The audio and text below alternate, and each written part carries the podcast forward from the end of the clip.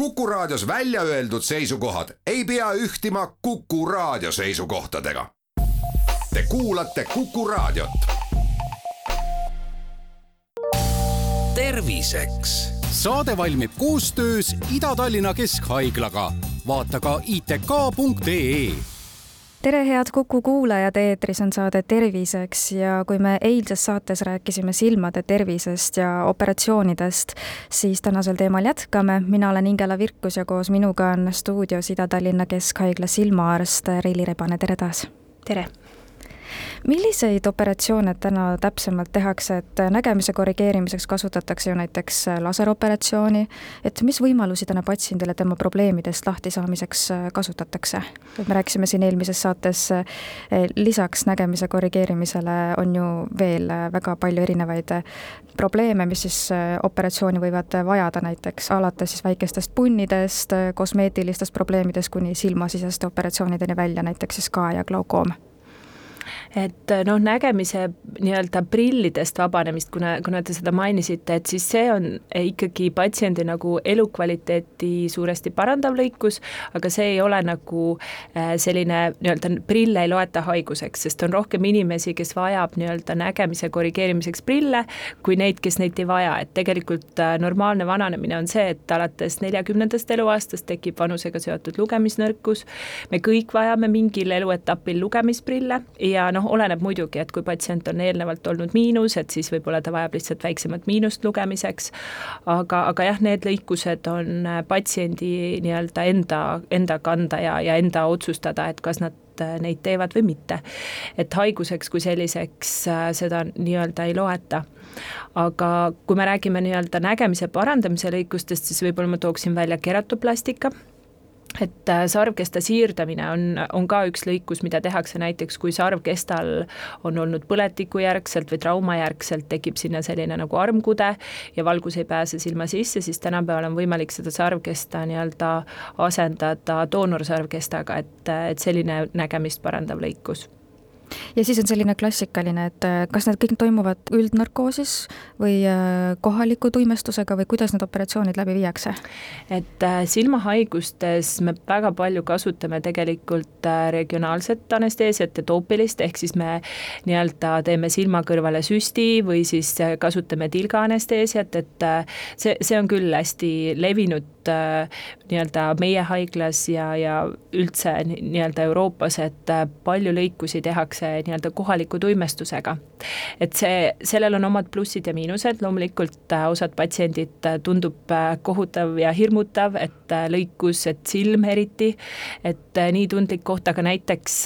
ütleme nii, et äh, kohaliku tuimestusega laulõikus, ma alati eelistan seda, sellepärast et lõikuse ajal ma saan paluda patsiendil vaadata üles-alla ja patsiendi kätte jääb nagu see kontroll. et äh, üks osa sellest operatsioonieelsest konsultatsioonist on ka see, et me räägime, et mis tuimestust me kasutame, et mis operatsiooni ajal toimub ja üldjuhul, kui patsient teab, mis teda ootab, siis see hirm on ka nii-öelda äh, oluliselt väiksem, et et, et oleme saanud äh, kohaliku tuimestusega tehtud.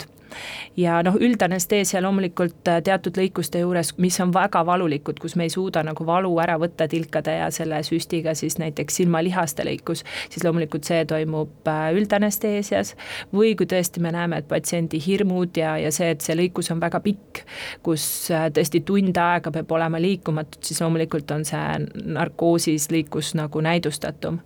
ja sellega seoses võib-olla on ka, et kuna see kohaliku tuimestusega lõikus on, et äh, kuidas on patsiendi üldtervis, et äh, me väga eelistame, et patsiendid äh, on nii-öelda oma kõikidest haigustest teavitatud, õnneks meil on digilugu, et me näeme neid kaasuvaid diagnoose, aga patsient peab lõikusele tulles olema nii-öelda terve, et ei tohi olla sellist äh, nii-öelda hingamisteede põletikku, et eriti see köhimine on hästi tähtis, et see, seda ei tohi olla operatsiooni ajal või kui see on, et siis me peame olema teadlikud, et teatud hetkedel me ütleme, et nii, nüüd ei tohi köhida või, või, või noh, et peab väga see nagu paigal olema. üks asi on siis köha, aga kuidas silmade pilgutamisega näiteks on mm? -hmm. et seda ka palju küsitakse, aga meil on kasutusel sellised lauhoidjad, ehk siis kuna me paneme nii-öelda tilk nurka silma, pindmine tundlikkus kaob ära, et siis sellised spetsiaalsed lauhoidjad tegelikult hoiavad silma lahti. Ja meil on instrumendid, millega siis ja assistent, kes aitab siis silma operatsiooni ajal paigal hoida. Käime korraks selle veel läbi, et äh, millega operatsioon algab, et kuidas üldse selleni jõutakse, et äh, kas inimesele on vaja operatsiooni või piisab näiteks ravimitest, et äh, mida näiteks arst küsib, mis uuringuid tehakse, mis täpsemalt veel üle vaadatakse, et kas inimesele võib üldse operatsiooni näiteks teha, et kuidas sinna operatsioonilauale jõutakse täpsemalt mm? -hmm et noh, kõik algab sellest, et mis on patsiendi kaebused või, või kuidas, mille tõttu üldse patsient saabub siis tervishoiutöötaja või üldse nii-öelda äh, silmaprobleemiga, et kuidas ta vaatevälja satub, et äh, näiteks äh, nägemise langus, et kui patsiendil tekib aeglane nägemislangus või on raskusi lugemisega, et siis tõesti võib-olla kõige õigem oleks esmalt pöörduda optometristi juurde, kontrollida prillid üle, optometristi juures ju mõõdetakse ka silmarõhku ja tõesti tänapäeval äh, spetsialistid õpivad üle kolme aasta prille kirjutama, et see valdkond on jäänud neile, et tänapäeva silmaarstid äh, kirjutavad prille üha vähem. siis teine,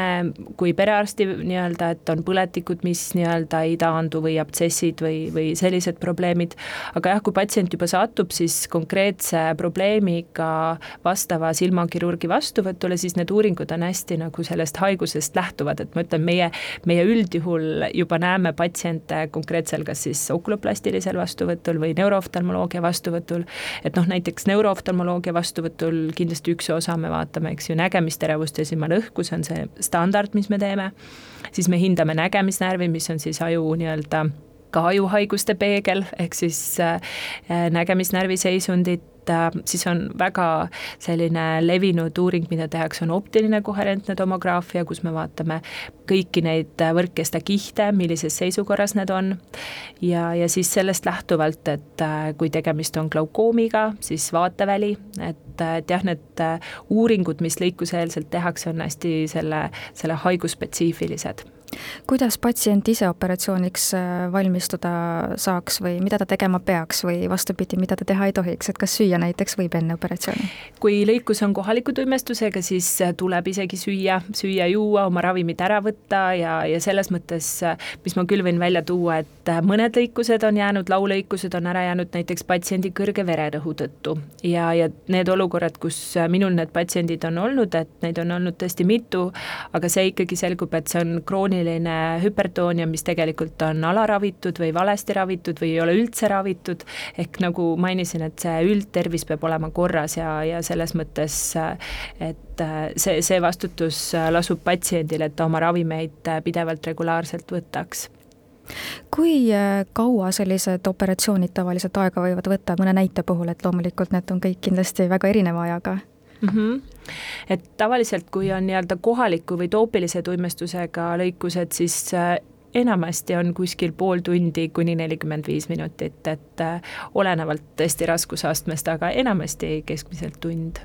et siis iseenesest võiks inimene ka minna otse tagasi tööle või võiks ta ikkagi endale vaba päeva broneerida ja natuke kosuda ja taastuda, et äh, millega võib-olla tasuks veel arvestada pärast operatsiooni? Vot see järelhooldus äh, on äärmiselt oluline ja kõik see operatsioon kui üleelamine, et äh, siis kindlasti tuleks võtta vaba päev, sest äh, me keegi ei tea, kuidas me käitume stresssituatsioonis ja me saame täiesti aru, et patsiendi jaoks on igasugune lõikus, need lõhnad, need